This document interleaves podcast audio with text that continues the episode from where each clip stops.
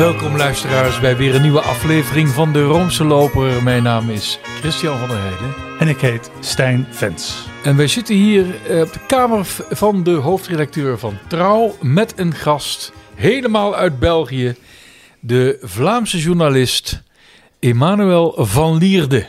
Welkom Emmanuel. Dank u. En waarom ben jij hier? Omdat jij een boek hebt gepubliceerd bij gelegenheid van het tweede lustrum van het pontificaat van uh, uh, Joris Gorge, Gorge Bergoglio. Uh, die heb jij in december geïnterviewd. Ja. En dat is jouw tweede keer dat je hem hebt geïnterviewd. Naast mij zit Stijn Vensen, die heeft hem één keer geïnterviewd. En ik, ben, ik voel me uh, uh, ten opzichte van jullie een enorme loser. Nee, dat, dat is ook wel logisch dat je zo Want voelt. Maar ik dat- heb de man nooit geïnterviewd, maar ik heb wel vijf boeken over hem Nou, eh, mogen schrijven. Of mogen. Ehm, eh, maar dat heb ik dus nooit gepresteerd. Dus ik voel me nu heel nederig. nou, heel nederig. Maar En wij hebben alles van jou geleerd. Ik heb die vijf boeken gelezen met veel aandacht om eh, de eerste jaren van Paus Franciscus Ik- ik die kan- man te leren kennen Ja? en toch eh, maand per maand te volgen wat hij toen gedaan heeft. Dus eh, proficiat ook voor jouw boeken. Ik hoor niet helemaal wat je zegt. Kun je dat nog een keer herhalen? Nee, nee, dankjewel, Emmanuel. Dankjewel. Is eigenlijk jammer, alleen, alleen Stijn moet dringend een boek schrijven. Ja, maar dat ik heb een boek geschreven Ja, ja. over Franciscus en ik heb een boek geschreven over het Vaticaan. Dat van het Vaticaan ken ik, maar dat van de Paus komt Ja, dat is nog. ook een heel dun boekje. Nee, dat is al geweest. Dat is een heel dun boekje. Maar dat is helemaal niet belangrijk. Laten we het hebben over jouw boek. Eh Paus Franciscus, de conservatieve revolutionair, heet het. Ja, dat, die ondertitel moeten we toch maar maar even over hebben. Want eh, er zijn eh, mensen die eigenlijk, Ja, als over Franciscus praten, hem toch vooral hervormer of revolutionair noemen, maar niet conservatief. Ja, het boek verschijnt voor eh, tien jaar Paus Franciscus zijn eh, verkiezing. En eh, ik zou eerst dus denken aan iets met tien jaar Paus Franciscus in ja, tien jaar in tien stellingen of zo. Maar de uitgever zei, als we dat doen, is het boek de dag na de tiende verjaardag al verouderd. Dat gaan we niet op de cover zetten. Het moet een andere titel zijn die het boek wat blijvender maakt voor wie de paus wil leren kennen. Toen zijn we daarop uitgekomen omdat we toch eh, direct ook wel wat op een spanningsveld zaten van, ja, bij ons, ja, ik denk in Vlaanderen, wellicht ook bij jullie in Nederland, wordt de paus toch vaak geframed als dit is de goede paus, de vooruitstrevende, de progressieve tegenover twee behoudsgezinde conservatieve voorgangers. Eh, toch enige correctie op dat frame dat deze ja, in de kerk ook niet altijd gedacht wordt als progressief-conservatief in die tegenstelling. En dat pausen toch ook altijd meer in continuïteit gedacht kunnen worden met hun voorgangers. Dat sommige thema's toch eh, aansluiten. En uiteraard, ja, deze paus is dan wel revolutionair als een kerkhervormer die terecht de stal moest uitmesten in Rome. En de kerk wil hervormen, maar die ook sociaal progressief is over migranten, over armoede, over klimaat over in de coronapandemie. Daar toont hij zich progressief, maar aan de andere kant in ethische thema's als eh, abortus of euthanasie of over de rol van de vrouw, ja, blijkt hij toch ook eh, gewoon een conservatieve kerkleider te zijn. En ja, kunnen we soms anders verwachten van een paus. Hij moet natuurlijk ook de traditie bewaken, dus het is ook Nee, terecht ja, dat een ja. paus soms conservatief is. Maar het is duidelijk een titel ook gekozen door, eh, een, eh, door, door een uitgeverij hè, die willen boeken verkopen. En, Eh, eh, uiteraard, en ook, ja. eh, ook een bewuste keuze. dus we om moeten er misschien een- niet al te veel waarde aan hechten, aan die ondertitel. Ja, Nou, wel, ja toch nou, wel, dat- toch ja, wel een ja, beetje correctie van een bepaald frame. eh, een beetje natuurlijk ook uitdagen om, eh, goed, wat zit erachter? En eh, dan moet je maar het boek lezen om erachter te komen. Ja. Maar tegelijk ook, ja goed, een boek in de boekhandel moet opvallen en kunnen verkopen. En vandaar ook geen klassieke foto van de paus op de cover, maar ja, ook een eh, ontworpen Want wat zien grafisch we? beeld. Wat, wat zien we? Ja, eigenlijk eh, Franciscus in een glasraam als een heilige eigenlijk. Ja. Eh, voor mij hoeven pausen niet heilig verklaard te worden, zelfs liever niet. Ze worden te veel heilig verklaard. Maar jij en ik zie hem ook niet per se als een heilige. Voor mij is hij in de eerste plaats een profeet voor onze tijd. En het morele geweten van de wereld is voor mij meer wie hij is dan een heilige. Maar Maar het is, ik, beste luisteraars, als ik goed kijk, dan zie ik toch een duidelijk aureool om het. absoluut. Ja, Dus dat is dan verklaar je iemand heilig. Terwijl je daar eigenlijk ook in het boek een beetje tegen verzet. Hè? Uh, Ik hoop dat ik het goed uitspreek. Austin Ivory, zeg ik dat goed? Ja. Die met zijn eerste boek over Franciscus toch eigenlijk een min of meer heilig verklaarde. Ja, ja, en die, uh, die het ook gecorrigeerd heeft. Hè? Die, ja, uh, de eerste Great Reformer, de paus ook zo scherp in de verf gezet heeft als de grote revolutionair, maar dan het tweede boek daarop liet volgen, The Wounded Shepherd, om een correctie te brengen aan dat beeld. Hè. Dus uh, ook daar eigenlijk bijdroeg aan een frame dat niet klopte. Mag ik iets zeggen over dat boek, over dat woord revolutionair? Want je gebruikt ook het woord hervormer, maar ik zou zeggen een hervormer is toch iets anders dan een revolutionair, toch? Een, een, een hervormer laat misschien de structuren in stand, maar hervormt die? Terwijl een revolutionair die, gooi, die verwoest het hele gebouw waarin de kerk jarenlang heeft geleefd. En dat heeft hij volgens mij niet gedaan. Dat doet hij niet, nee. Uh, maar goed, revolutionair het hangt ervan af wat we ermee bedoelen. Hè. En, uh... nou, tegenwoordig bedoelen we, we hebben het al heel snel over een revolutie. Omdat het een lekker woord is om te gebruiken. Ja, maar een revolutie, al... dat komt uit de astronomie eigenlijk. Het is echt, echt een omwenteling. En er is natuurlijk geen sprake van omwenteling. Misschien in de cultuur dat namelijk het papocentrisme, uh, dat heeft hij willen afschaffen. Maar we zijn nog nooit zo papocentrisch geweest als nu. Absoluut. Ja, dus dat is eigenlijk zeer paradoxaal van de, deze, deze uh, Bergoglio, hè? vind ik. Vind je dat ook? Goeie vraag, hè? Oh, eerst zeggen wat je vindt. En dan ik, zal eerst, ik zal eerst nog iets over die revolutionair zeggen. Uh, ja, hij wil toch een echte omwenteling, een mentaliteitsverandering, een cultuurverandering. Hè? Uh, dus niet zomaar structuren hervormen, maar toch echt de hele kerk meenemen van belerend naar luisterend, van macht naar dienen. Die omslag is er wel en daarin is hij dan misschien toch revolutionair. Plus revolutionair in de zin de revolutie van het evangelie zelf. Uh, terug naar waar het Jezus om te doen was. Ook daarin is hij revolutionair om uh, ons terug bij de les te brengen van wat wou Jezus eigenlijk en terug in die lijn. De, de radicaliteit van de naaste liefde die tot en met de vijandsliefde gaat. De bergreden. Ja, daarin is hij dan revolutionair toch. Hè? Maar het is terug naar de bron en op zich is dat dan niet nieuw. Ik ben zeker akkoord. Ja, aan de ene kant wou deze paus afstand doen van de macht en de praal, het pauselijk paleis. Uh, hij wil geen heilige vader zijn, maar blijft een soort padre die als een barmhartige dorpspastoor in de biechtstoel uh, barmhartigheid predikt. Maar tegelijk, ja, doordat hij dan daardoor enthousiasme losweekt, krijgt je toch een soort pauscultus die misschien ook heel gevaarlijk kan zijn. Hè. Uh, ik zou als een één voorbeeldje geven het uh, Jezuïten-tijdschrift uh, Civitas Catholica is het zeker, hè? Uh, waar Antonio Spadaro de hoofdredacteur van is. Ja, ik denk dat die nog nooit zo pauselijk geweest zijn als tijdschrift als vandaag.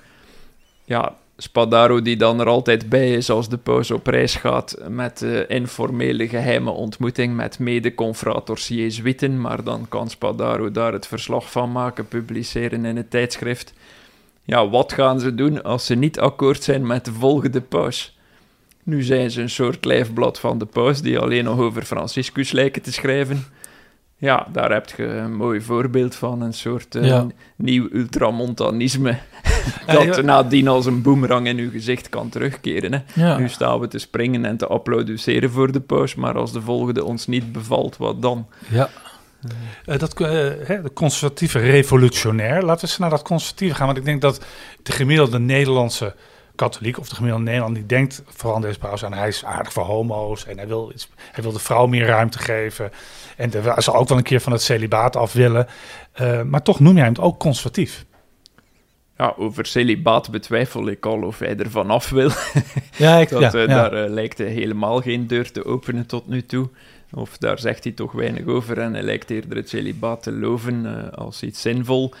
Ja, vrouwen in de kerk, hij heeft één, uh, ja, hij pleit ervoor dat ze functies krijgen en dat doet hij ook. Hij heeft zeker heel veel vrouwen ondertussen benoemd in uh, cruciale curieposten, daar is geen twijfel over, maar tegelijk het ambt openstellen is geen sprake van.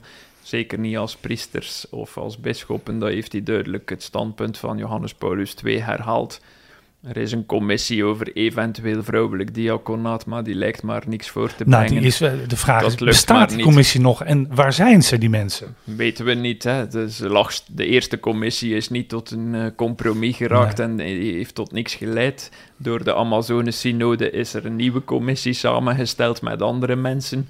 Door COVID is die eerst niet samengekomen. Ik zou denken dat die nu toch in actie gekomen zijn, maar we weten er niks over.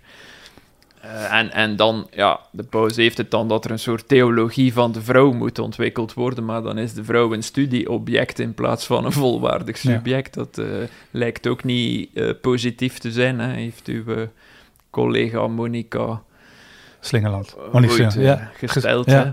Maar hij, en, en- schrijft... en plus, ja, als hij dan echt toespraken geeft over de vrouw, is het toch maar als moeder en grootmoeder en duwt hij ze in een klassieke moederrol in plaats van echt... ja. Dus daar blijft hij toch ook eh, conservatief. Ja. Maar als jij schrijft, beschrijft heel duidelijk de, de, de vernieuwende aspecten van dit pontificaat. Ehm, maar ben jij het met hem eens dat hij in alles toch de structuren laat staan? Het is allemaal binnen dat eeuwenoude panzer of dat eeuwenoude raamwerk wat, waar die niet aankomt. En dan, dan kun je alles van, van alle mooie dingen zeggen over de vrouw. En je kunt ze benoemen in de, bis- de congregatie voor de bisschoppen. En je kunt ze ondersecretaris maken of zelfs secretaris. Maar dan uiteindelijk houdt het een keer op. Toch? Ja, uiteraard. Dus het, eh, ja, dat, hij loopt daarin vast. Hè. Er zijn daar punten waar het eh, niet verandert en waar hij even goed eh paus blijft als zijn voorgangers. Ja, Ja, absoluut. ja. En natuurlijk, ja, goed, eh, hij is een wereldleider van een wereldorganisatie, maar die heeft natuurlijk structuur nodig. Hij kan niet zonder structuur. Dus hij heeft ook wel die ministeries, zal ik het maar noemen, nodig om beleid te voeren en om de, de CEO van het bedrijf he- heeft nu eenmaal eh, structuur. En eh, hoe groter het bedrijf, hoe meer structuur. Maar op een gegeven moment kan de structuur een hindernis worden voor uw inspiratie. En, en ja, goed, hij probeert daar wat dingen te veranderen, maar zo simpel is het niet natuurlijk.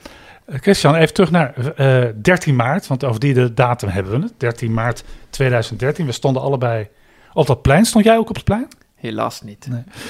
Wat, ja, dat, dat, hij kwam dat eh, balkon op. Dat is natuurlijk dat Bonacera. En het feit dat hij vroeg dat, eh, allemaal- dat we allemaal in gebed gingen. Jij zegt zelf, eh Emmanuel, de naam was een programma. Maar wat waren, Christian, even voor de discussie, jouw verwachtingen eigenlijk van dit pontificaat? Toen hij begon, tien jaar geleden. Ja, Nou ja, ik, eh, eh, ik, ik verwacht er niet zoveel. nee, Nee, nee. nee. Maar ja, ik, ik kan er niet zoveel over zeggen. Ik was alleen maar bezig met nieuws maken. Ja, En ik heb het al eens vaker gezegd, er, waren, er werden in, in vijf seconden kwamen er in één keer eh, zoveel noviteiten Ja. naar boven. En eh, ja, dat, dat, eh, die naam inderdaad, dat was natuurlijk meteen een programma. Hoewel we toen op dat moment nog niet wisten of het om Franciscus van Assisi ging. Mhm. Ik dacht misschien is het wel eh, Franciscus Borgia. Borgia. Of Xaverius, hè, Of Xaverius, de ja. missionaris van Precies, Azië, waar hij ja, naar ja. opkeek. Dat werd ook eerst gedacht als Jezuïet, dat, eh, Ja. of dat hij minstens naar de twee refereerde, maar drie dagen nadien heeft hij persconferentie Mhm. gegeven aan de aanwezige journalisten en toen toch duidelijk gemaakt dat het om die van Assisi ging. M- Maar voor die, voor die, eh, die nu al historische persconferentie waren wij als journalisten vooral bezig om zijn doopzeel te lichten.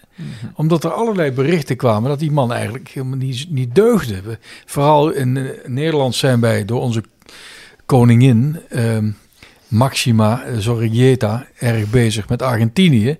En, en alles wat er gebeurde tijdens die, eh, die vuile oorlog. Welke rol had hij daarin gespeeld?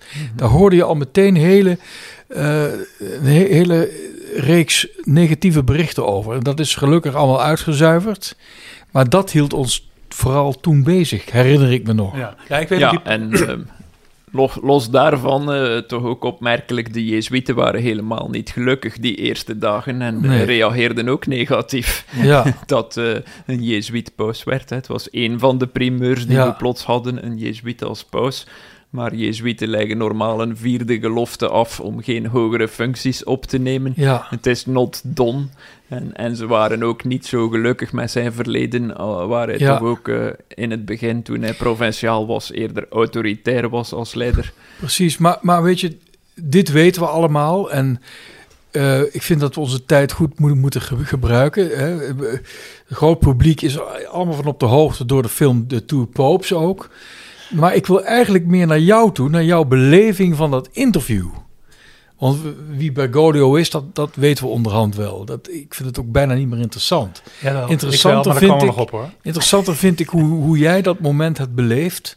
Jij hebt in een stoel gezeten in de apostolische bibliotheek. Oh nee, dat, nee in de Ja, ja, pauselijke eh, bibliotheek in het apostolisch paleis. Mhm. Eh, een stoel waar Poetin heeft gezeten, Trump, Obama, alle grootheden der aarde die nog in leven waren, hebben daarin gezeten. En dan zit Emmanuel van Lierde, die zit daar.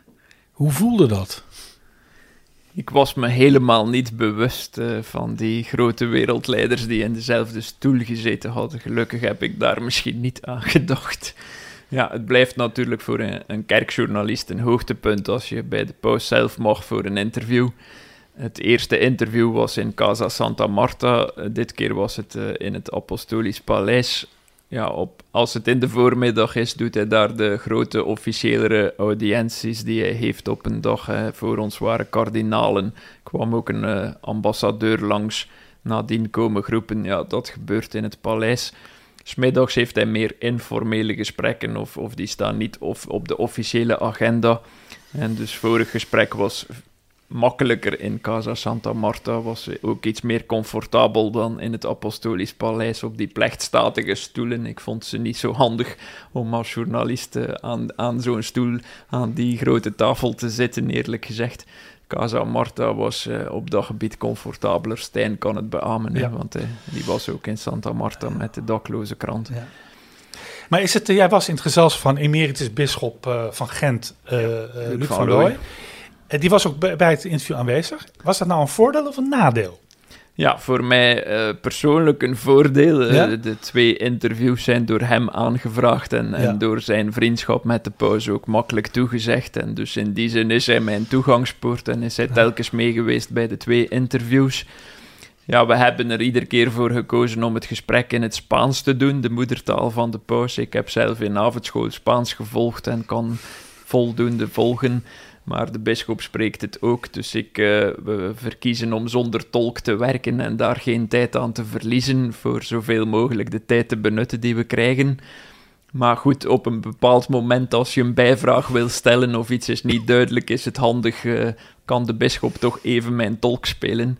Dus ik had op een gegeven moment ook een vraag rond eh, het zorgpersoneel in de zorgsector, wat de paus eerst niet goed begrepen had wat ik bedoelde. Dus dan kan ik toch snel de bisschop even laten inschakelen om te vertalen en te helpen eh, om elkaar te verstaan. Ja. Of omgekeerd, als ik de paus maar half verstaan had, kon ik snel, wat is dat woord? Want hoeveel tijd had je met eh, de Heilige Vader?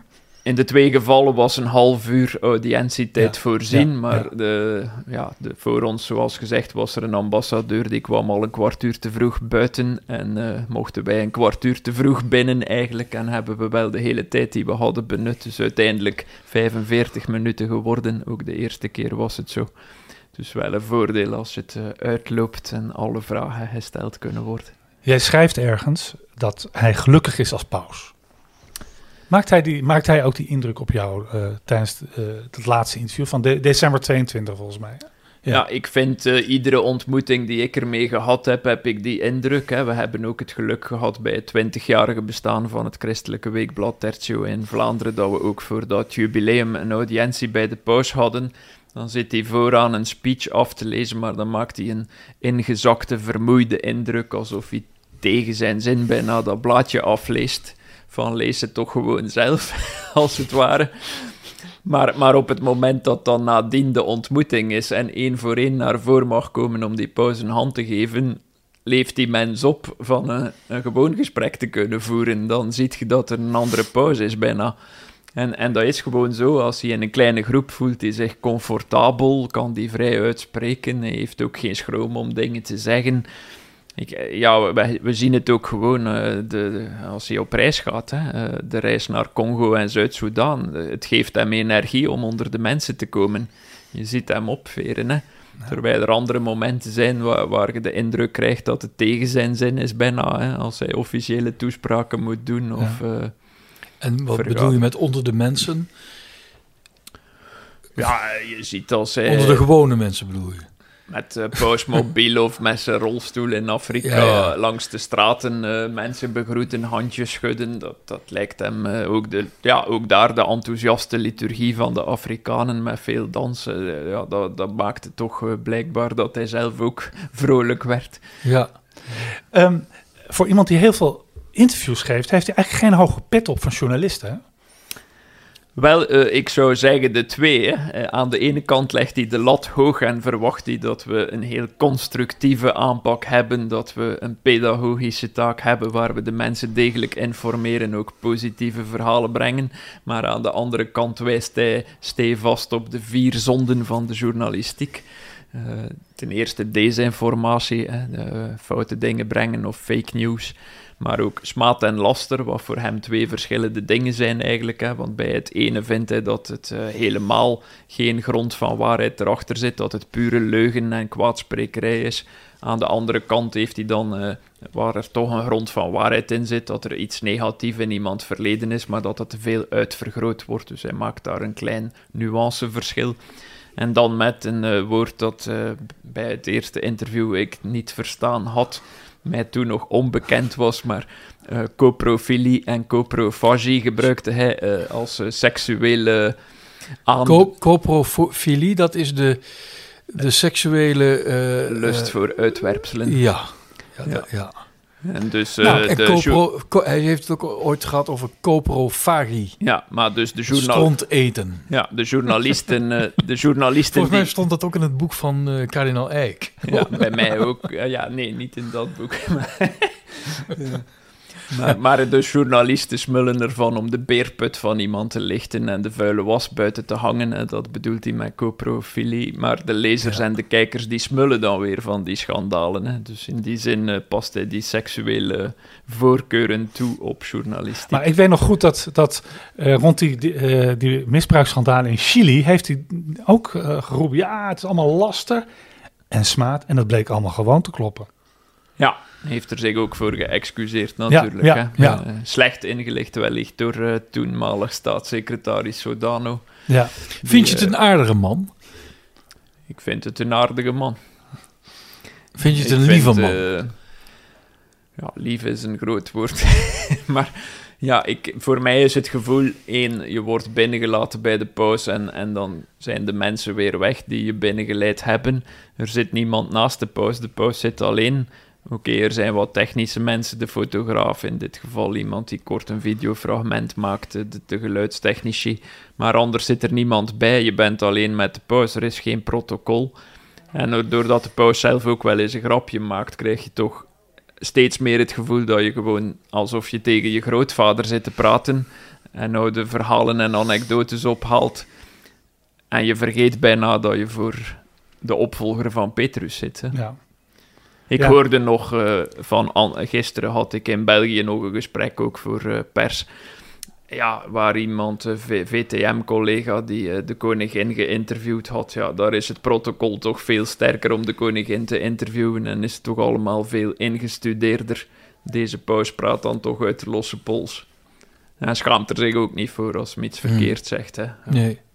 Heb jij hem de vraag gesteld of hij eh, misschien een keertje naar België wil komen? Ik heb die stoute vraag gesteld in 2016, omdat er toen geruchten waren dat hij voor 100 jaar Eerste Wereldoorlog eventueel naar de Westhoek zou komen. Mogelijk in combinatie met Normandië en het bedevaartsoort van Lisieux. Maar toen antwoordde die radicaal dat daar geen plannen voor waren en nee. En ik ben ooit als provinciaal van de Jezuïeten herhaaldelijk in België op bezoek geweest. Ik ken jullie land wat. Ik heb het dit keer eh, niet gevraagd, eerder tactisch, omdat er toch wel plannen bezig zijn om eh, pogingen te doen om deze paus naar België te krijgen. Volgend jaar vieren wij 600-jarig bestaan van de Katholieke Universiteit in Leuven. En zoals u weet, door eh, de twee landsdelen hebben we ook een Poot Louvain-la-Neuve, Franstalige universiteit. Maar op zich is dat natuurlijk één wortel, dus de twee vieren samen 600 jaar. En hopen we toch met de nodige diplomatie en de nodige officiële uitnodigingen dat hij voor dat jubileum wil komen. Stel dat ik nu die vraag had voorgelegd en hij zegt al radicaal ja of nee. Maar ja had goed geweest natuurlijk, maar nee was gevaarlijk geweest. Misschien had ik dan stokken in de wielen gestoken van uh, het lobbywerk dat daarvoor bezig is. Is hij eigenlijk wel geïnteresseerd in uh, West-Europa? Ja, toch wel, want ik zou het jammer... Ja, die indruk kan bestaan van... Uh, vorige paus was natuurlijk Benedictus gericht op Europa, gericht op die secularisatie, op het, uh, de crisis van het godsgeloof in het Westen. Was zeker nog een echt door en door Europese paus. Ja, we hebben nu een Latino waarvan we hadden, zouden kunnen gaan denken dat hij dan niet meer bekommerd is om Europa, waar de winkel toch slecht draait, waar niks te winnen valt, waar de kerk achteruit boert en dat hij zich dan concentreert op de groeiplekken.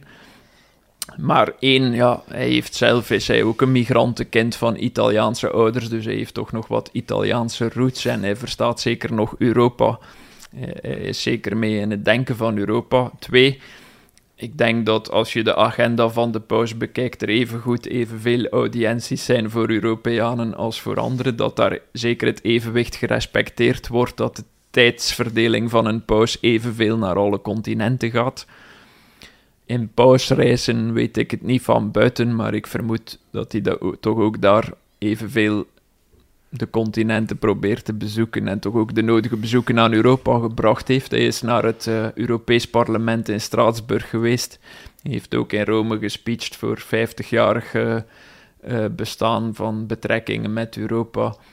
hij heeft Karel de Grote prijs van de stad Aken gekregen als voor zijn verdiensten voor zijn Europese speech. Hij kijkt natuurlijk naar Europa als een oud vermoeid continent, noemt hij het.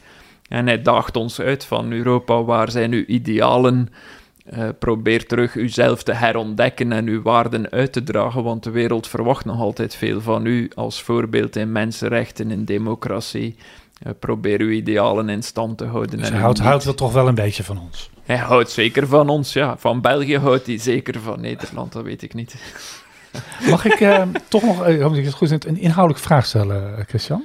By all means. En dan uh, over synodaliteit. Dat is langzamerhand het, een soort toverwoord binnen de Rooms-Katholieke Kerk. Je komt ergens binnen, niemand kent je.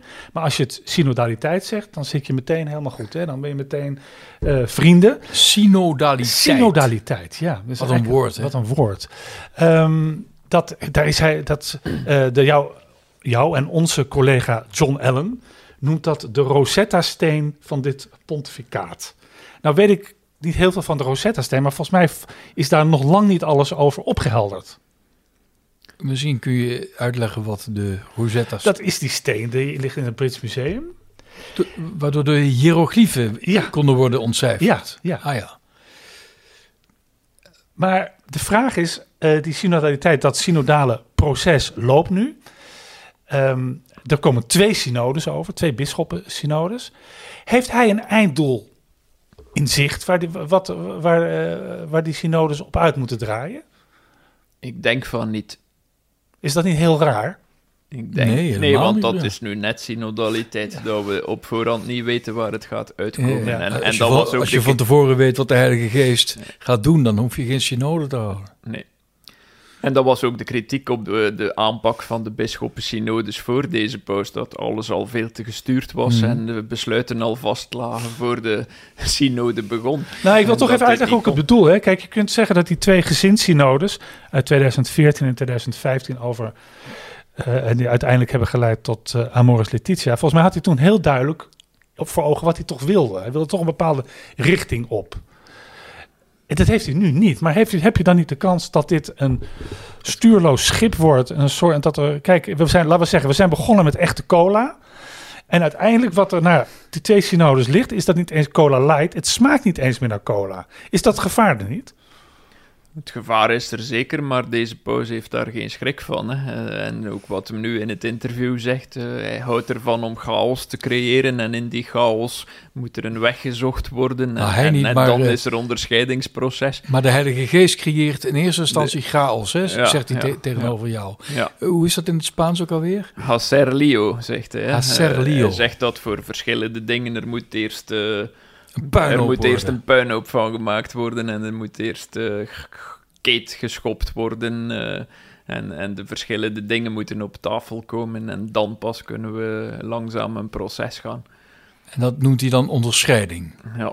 Maar nou ben ik een Met, eh, Rooms-Katholiek Samen in... op weg gaan ook, hè, synodos. eh, het is ook iets wat hij echt van in het begin, hè, toen hij op het balkon verscheen, noemde hij zichzelf niet paus, maar bisschop van Rome, die samen op weg wil gaan met het volk van God. Het was heel conciliair, hè, echt iets uit het Tweede Vaticaans Concilie, maar tegelijk zat die synodaliteit daarin en heeft hij dat toch van in het begin proberen promoten. Ja, nou ben ik een Rooms-Katholiek in Knokken, of in Antwerpen of in Gent. En ik, ik, heb daarover gehoord. Of in Amsterdam. Of in Amsterdam. En ik heb gehoord over het synodaal proces. Ik heb van mezelf best wel ideeën hoe dat in die kerk anders zou kunnen over de verdeling van de macht. En dan ga ik daaraan meedoen. Ik heb ook wel ideeën dat die vrouw misschien iets meer te zeggen moet krijgen. Waarom zou ik me dan in dat synodaal proces eh, storten als ik niet weet wat eruit komt? Er gaat alleszins niks veranderen als we onze mening niet kenbaar maken. Dus ik hoop dat zoveel mogelijk mensen de kans benutten om hun mening te zeggen. Ik denk dat daar eh, alleen al daarvoor te weinig cultuur bestaat in de kerk om frank en vrij te spreken. Hè. Dat heeft hij Mhm. proberen losweken met die eerste synodes en dat terug toelaten. Dat het niet op voorhand hoefde vast te liggen. Dat iedereen terug echt zijn gedacht kan zeggen. Zeker een verdienste van deze pauze dat er teruggesproken kan worden, dat debatten terug mogelijk zijn, ook al verandert er nog niet per se iets, maar dat er toch tenminste het gezegd kan worden. Ja, daar hebben we ook geen cultuur voor. Allee, dat zie ik niet bij ons, bij, bij jullie wellicht ook niet. Hè. Hoe frank en vrij spreken mensen tegenover bisschoppen, eh, tegenover eh, andere figuren in de kerk? Is er een echte debatcultuur? Denk maar aan onze eigen parochies. Hoe vaak is er daar kans voor een franke en vrije uitwisseling over thema's? Ja. Ik zie het weinig gebeuren. Hè. We gaan naar lezingen waar een spreker spreekt, of we zitten in een Eucharistie waar de pastoor zijn preek houdt, of iemand anders. Maar, Ja, maar en- een en, debat eh, is er toch niet. En als er een debat is, de paus zegt herhaaldelijk, het is geen parlement. Nee. En eh, als je ergens van overtuigd bent, en, en bijvoorbeeld een aardse mening hebt over eh, de verdeling van, van, van welvaart, dan komen de verschillende meningen in een arena bij elkaar en uit die clash komt dan een besluit voort. Alleen nu heb je te maken met, eh, met een beproeving van je eigen overtuiging. Hè. De paus heeft ook ingevoerd, zodra iemand een bijdrage doet, dan, dan hoort dat eigenlijk afgesloten te worden met gebed. Mhm. Zodat weet je wel zeker dat de geest door jou spreekt. Jij kunt die mening wel hebben, maar hoe weet jij zeker dat ook God dit wil? Ja. En, en dat, is, dat, dat maakt dit tot zo'n merkwaardig eh, eh, type eh, bijeenkomst, zo'n sy- synode. Het maakt iedereen ook heel nederig. Dat is volgens mij ook de verklaring waarom dat pausen in het begin heel liberaal kunnen zijn. Maar als ze eenmaal op de stoel van Petrus zitten, dan binden ze in. Want dan denken ze, ja, ik, ik had die mening wel. Maar is dat eigenlijk ook wel wat de Heilige Geest probeert te zeggen? Dus dat, eh, ja. Wat hij, zeker, dus. wat, hij, wat zeker met een parlement bedoelt, eh, dat een synode geen parlement is, is dat het niet kan zijn dat het alleen een tweederde meerderheid is die een visie opdringt en wat dan met die een derde die niet akkoord is. ja. Behalve, Dus dan, wil- hij wil- behalve dan in het geval van een conclaaf. Want dan Ja, geldt de tweede wel, maar meerderheid weer wel. Ja. Ja. Eh, Maar maar, bijvoorbeeld- maar, dus in die zin van, eh, er moet meer zijn. Hè? Ja. En, en hij heeft het, ja, in het interview noemt hij het dan, het, het moet komen tot een consensus, maar dan refereert hij terug naar een andere uitspraak van een kerkleraar, van de geest bewerkt harmonie, wat nog een hogere sfeer is van consensus. Eh, we moeten echt iets hebben waar eenheid in verscheidenheid is en iedereen er kan achter staan en niemand zich uitgesloten voelt. Dus met een pure Ja. meerderheid komen we er niet. Maar die harmonie die, die komt er pas nadat er eerst strijd is. Ja, Dus in die, dat licht moeten we ook bijvoorbeeld de, uh, de opmerkingen van kardinaal, wijlen kardinaal Pelsin, die dit hele synodale proces een catastrofe noemt. Of een, hoe noemt hij het nou ook alweer? Ja, zoiets, catastrofe. Verschrikkelijk. Is, maar of is dat dan ook de Heilige Geest? Voor Paus Franciscus is dat eigenlijk ook de Heilige Geest dat er tegenstemmen zijn. En eh, hij vindt dat dat moet kunnen, hij laat het ook toe. Hij gaat er ook zelden echt op in, maar hij vindt dat het goed is. Hij zou soms liever hebben dat de mensen het in zijn gezicht zeggen dan in boeken te publiceren. Maar, maar desalniettemin laat hij het toe en vindt hij het goed dat het naar boven komt. Ja, er zijn mensen die vooral uh, willen zwart-wit denken en die zekerheden willen en vaststaan de waarheid ja, voor deze paus is het leven niet zwart-wit. En uh, ja, hij heeft natuurlijk in de slums van Buenos Aires gezien dat velen niet aan het ideaal kunnen beantwoorden, dat het leven soms anders loopt en dat daar mm. barmhartigheid voor nodig is en dat je samen met mensen op weg moet gaan en zien hoe ze toch in hun situatie kunnen groeien naar een ideaal. En als dat niet mogelijk is, wat dan toch het best mogelijke is of het minste kwaad is. Ja, Bergoglio is zich heel bewust van de vele moeilijkheden in het leven. Maar anderen willen dat het gewoon het ideaal is en, en al wat daar niet aan beantwoord hmm. wordt veroordeeld. Ja, zo werkt deze paus niet. En dus, ja... Er staat in jouw interview ook een heel grappig, grappige anekdote die hij zelf noemt. Toen hij nog uh, aartsbisschop van Buenos Aires was, was hij in een oudere uh, rusthuis. rusthuis. Ja. En toen deelde hij de communie uit. En toen zei een mevrouw die van hem de communie had gekregen... ja, ik, maar ik ben eigenlijk Joods. En hoe reageerde hij daarop?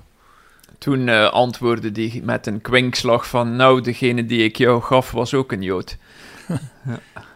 En maar toen zei hij ook van, dit zullen, heel veel mensen zullen nu boos worden op mij. Ja, ja wellicht omdat hij, ja goed, communie aan een uh, Joodse mevrouw hoort zo gezegd dan niet. En, en nou, hoe komt dit? Maar goed, hij nou, wist het niet op het moment dat hij de communie gaf. Even, eh, maar, zodat dadelijk niet verkeerd begrepen wordt. Niet omdat ze Joods is, maar omdat ze ongedoopt is. Want je kunt elkaar gedoopte uh, Joodse mensen Ja, ja, ja, wellicht. Want, maar... moet, moet wel voorzichtig beetje voorzichtig zijn. Moet er voorzichtig zijn. Ja. Uh, Dadelijk wordt hij nog weggezet als antisemiet. Nee, nee. Kijk, in jouw boek wordt deze paus voor veel dingen geprezen. En ik denk terecht, laten we, uh, dus ik ben het met jou eens dat deze paus in veel opzichten een zegen is geweest tot nu toe voor de kerk. Maar je bent ook wel kritisch. Hè? Hij laat ook dingen liggen. Ja, dat hoort ook. Als we eerlijk de balans willen opmaken, mogen we ook niet blind zijn voor de kritiek. Denk uh, Vaticanisten zo, of mens, kerkjournalisten zoals wij, die de zaak volgen, hebben natuurlijk de neiging om een fan te zijn. En we zijn een beetje zoals uh, muziekjournalisten wellicht, die van sommige popgroepen uh, de nummers bewonderen en blij zijn met gouden platen. En deze paus heeft dan al veel gouden platen gemaakt, maar af en toe uh, zit er toch eens een slechte song tussen en die, die noten mogen we ook kraken. Ja, bijvoorbeeld dus... ecumene, ecumene. Want wat, ja, wat zijn we in, in, dit, in die tien jaar opgeschoten in de ecumene met uh, paus Franciscus? Nou, in, in mijn ja, ook Heel veel met de orthodoxie. Ja. Heel, heel veel maar dan vooral met de Grieks-orthodoxen. En ja, goed, de eerste ontmoeting met de orthodox en, ja, ja. Oekraïens-orthodox. En, ja. De eerste ontmoeting met de Russische vooral, patriarch, maar dus door Oekraïne Egypte, verstoord. Egypte. De kerk van Alexandrië, de Kopten, nou, daar, daar, wordt heel veel uh, vooruitgang geboekt. Alleen wat Stijn bedoelt, en dat is natuurlijk niet zo gek dat, dat je erover begint, omdat we hier natuurlijk uh, bij de burelen van trouw zitten. Het protestantisme komt er een beetje bij af. Absoluut. Ja. Er was veel hoop voor de 500ste verjaardag van de Reformatie dat er een doorbraak zou zijn of een of andere vooruitgang, maar het is helemaal niet gekomen. Het bleef bij mooie woorden en gestes in uh, Zweden. Uh, ja, dat is inderdaad een ontgoocheling toch, hè?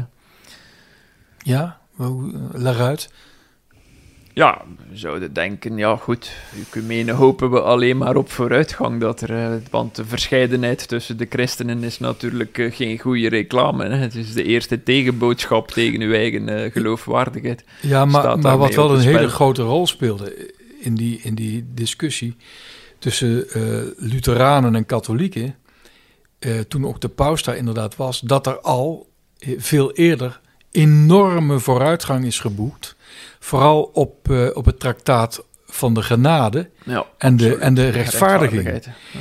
Het is zelfs zo dat heel veel problemen daar, die dialoog zijn opgelost dat als die ten tijde van Luther waarop, ja, dan had de reformatie niet eens gebeurd, hè.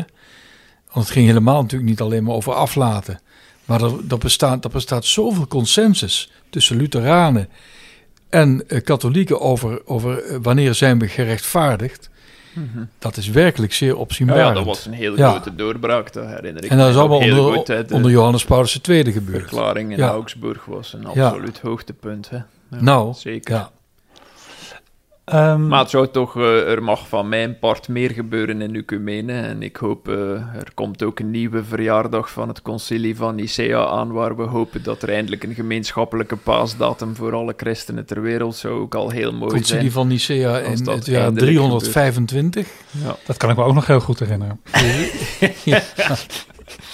Ehm, er is een, wij, wij zijn toch een beetje Vaticanisten onder elkaar zo eh, van, vanmiddag. Er is een grote vraag natuurlijk. Hoe lang gaat deze paus nog door? Hè? Hij is nu 86.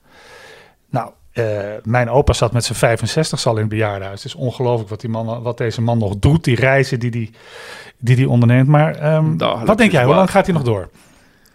Ja, het blijft een speculatiepunt. In de beginjaren sprak hij soms van aftreden zoals zijn voorganger. Dan werd het daar heel stil over. Dan sinds vorig jaar eh, kwam die speculatie terug naar boven, mede door zijn knieproblemen. Eh, maar dan heeft hij nu terug tijdens de pausreis naar Congo en Zuid-Soedan zelf gezegd dat aftreden geen modetrend moet worden, want dan hebben we elke zes maanden een nieuwe paus. En dat hij toch beschouwt als een ambt voor het leven ad vitam.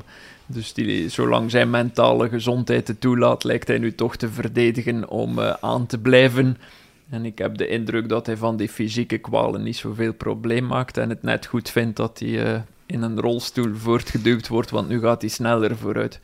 En Maar het is, het ook- natuurlijk een hels ritme Ja. van s morgens tot s avonds, de ene ontmoeting na de ander. Elk woord dat je zegt als paus wordt uitvergroot. Iedereen zit er met een vergrootglas op. ja. En je moet er altijd bij de les zijn. Het is eh, moordend, denk ik, op die leeftijd om het vol te houden. Nou, je Moet ziet wel dat eh, hij een bijzondere staat van genade genieten, denk ik. En als je kijkt, de agenda zit eigenlijk al vol tot eind 25, het heilig jaar. Ja, als hij die twee synodes en dat heilig jaar en nog de buitenlandreizen die eigenlijk al toegezegd zijn, Hmm. heeft hij een agenda tot hij eigenlijk 89 wordt, 90. Ja, houdt hij Ja. het zo lang vol? Dat is toch zeer de vraag.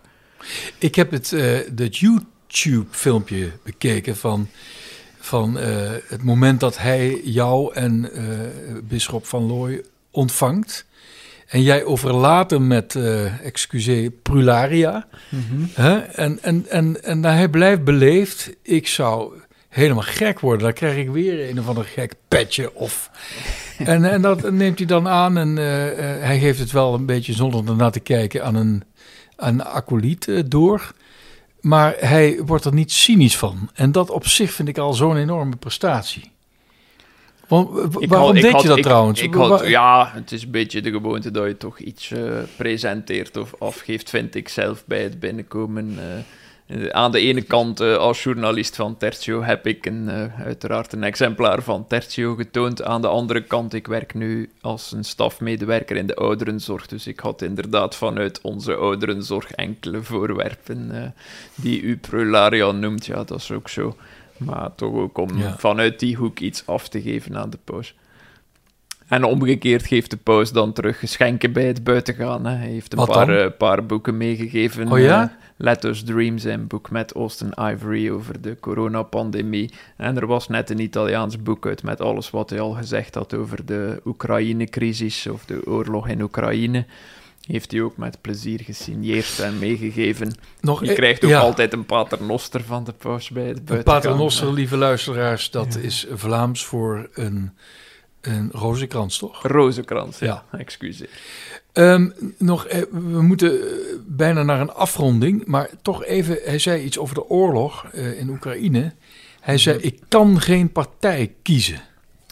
Ja, dat, vond ik eh, nogal, dat vond ik nogal wat. Ja, aan de ene kant eh, zegt hij natuurlijk dat hij, ja, er gaat geen speech meer voorbij, of hij spreekt over het gemartelde Oekraïne, en dan zegt hij dus toch duidelijk wie dan het slachtoffer is en wie de agressor, dus ik hoef de naam van de agressor niet te noemen. Het is duidelijk voor iedereen als ik het heb over een gemarteld land, dat die slachtoffer zijn, en wie dan de dader is.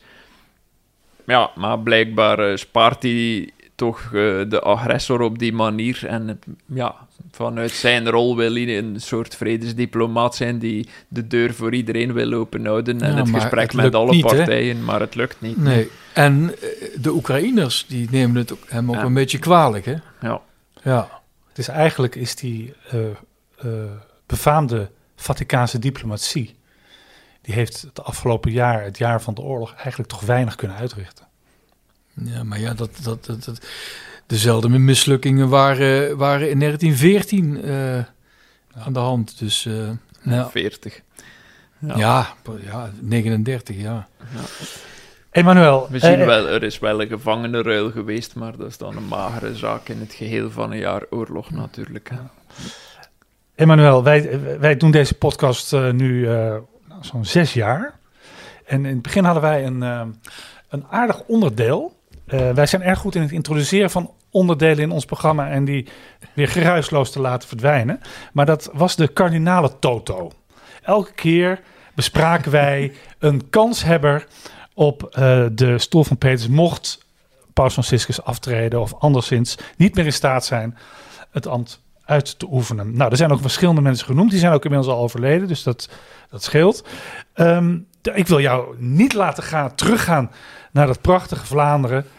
zonder dat jou de kans te geven ook de duit in het zakje te doen. Ehm, stel, er vindt deze maand een conclaaf plaats. Dat kan nog, hè? Dat kan altijd. Kan altijd. Op wie zet jij je geld?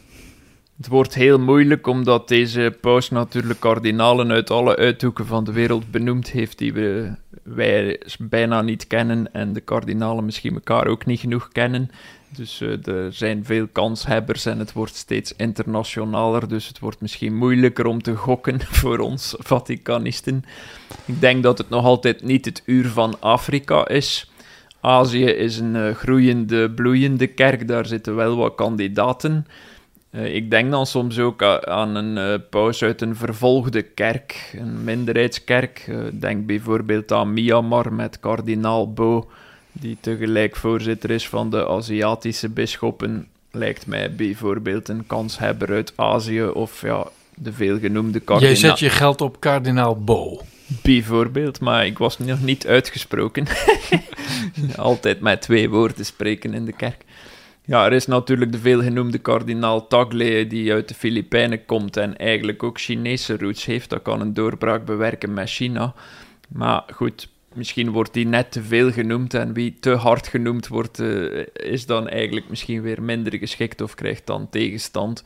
Maar hij is een, zeker een heel charismatische figuur, zou bijna een Franciscus in het kwadraat zijn.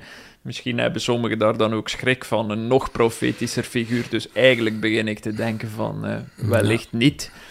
Wat ik wel denk, zoals gezegd, Bergoglio was de eerste Latijns-Amerikaan. Eigenlijk maakte dat een overgang naar de, vanuit Europa naar de wereldkerk. Maar Bergoglio had nog die Italiaanse roots.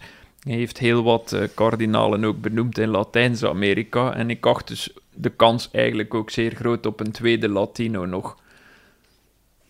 Maar Namen. daar ken We ik... willen namen horen. Ja, ik ken ze eigenlijk te weinig om daar echt een gok te maken. eh, eh, maar ik vermoed toch... Ik vind zelf dat we die in de gaten moeten houden, de kardinalen uit dat continent. En ik moet toegeven, ik heb er mij ook tot nu toe te weinig in verdiept om ze echt grondig te leren kennen. Ja.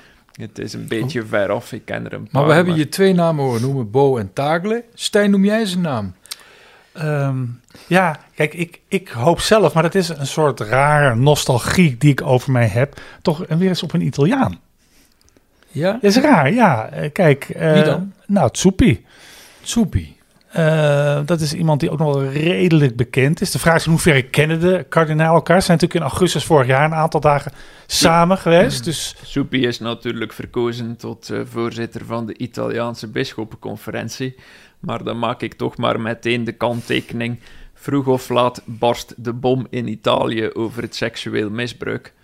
Daar wordt het potje zedig toegehouden en de eh, kardinalen en bisschoppen die kandidaat waren om voorzitter te worden van de Italiaanse bisschoppenconferentie, die opheldering wensten, die het echt wouden aanpakken, zijn weggestemd. En Zuppi is dan als een compromisfiguur bijna, die het zo een beetje wou, maar ook een beetje gedekt wou houden. Ja. Dus eh, eigenlijk eh, niet zo goed dat, eh, dat de harde aanpak van laat Ja, ons ik, die ik, zaak ik, ik, eindelijk ik heb er al helemaal spijt van, van die hele tsoepie. Zal En, ik eens eh, zeggen wie en- de... en Maar mag ik en- even iets, even iets zeggen? Ik heb ooit En de, de, Soepie is natuurlijk ook nog Sant, een eh Sant'Egidio-bisschop. Ja, kijk, ik heb ooit de, grote, eh, de grote Italiaanse Vaticanist eh, eh, Giancarlo Zizzola geïnterviewd. Die een schitterend boek over de geschiedenis van het conclaaf heeft eh, geschreven. En die stelde ik dezelfde vraag en die had duidelijk geen zin om te antwoorden. Dus die noemde een volstrekt kansloze eh, kardinaal, ik geloof uit Afrika. Nou, die is het ook niet geworden. Dus ik heb nu al spijt van Tsoepi. Ik neem het terug en ik kom te zijner tijd met een andere naam. Ik ben, Weet je wie het gaat eigenlijk- worden? Eigenlijk is het ook zodanig Weet je wie het gaat worden? dat we beter geen namen noemen. Christian, Christian wil wat zeggen.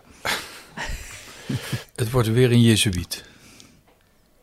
Nee, daar geloof ik ook niet hard in dat we Hollerig. twee jezuïeten na elkaar. Hollerig. Dan heb je Azië, omdat hij tot de Jezuïetenprovincie van Japan behoort. Het is iemand die eh, eh, behoorlijk eh, liberaal is. Hij kan misschien doorstoten waar anderen het niet durven. Hij krijgt sowieso de Duitsers allemaal mee. En die zijn toch wel belangrijk. En, eh, en hij krijgt een aantal Amerikanen mee. Amerikanen wordt het zeker niet, denk ik niet. Ik zet mijn geld op Hollerich, SJ.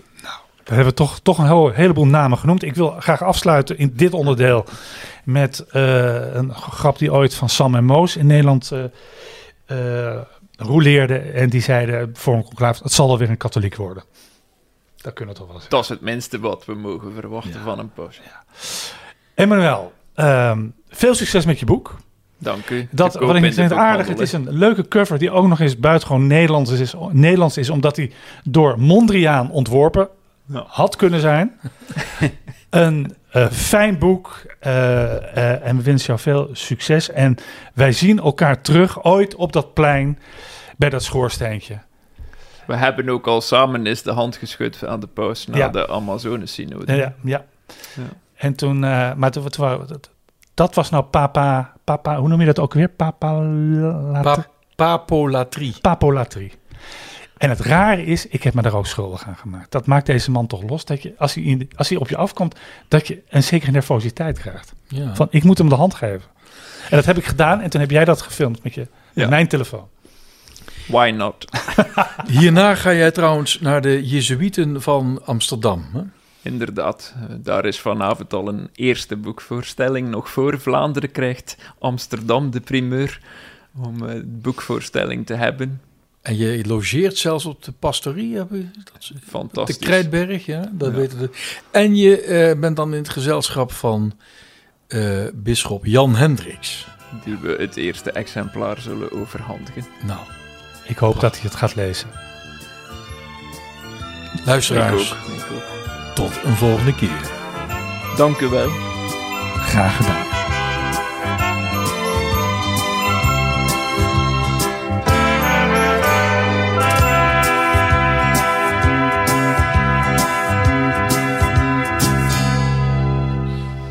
God, ik heb een uur lang mijn hoest ingehouden. We worden dagelijks overladen met overbodige informatie. En het is moeilijk de zin van de onzin te scheiden. Daarom vertrouw ik op echte journalisten in plaats van meningen. Een krantenmens heeft het gemakkelijk. Word ook een krantenmens en lees je favoriete krant nu tot al zes weken gratis. Ga snel naar krant.nl. Bezorging stopt automatisch en op deze actie zijn actievoorwaarden van toepassing.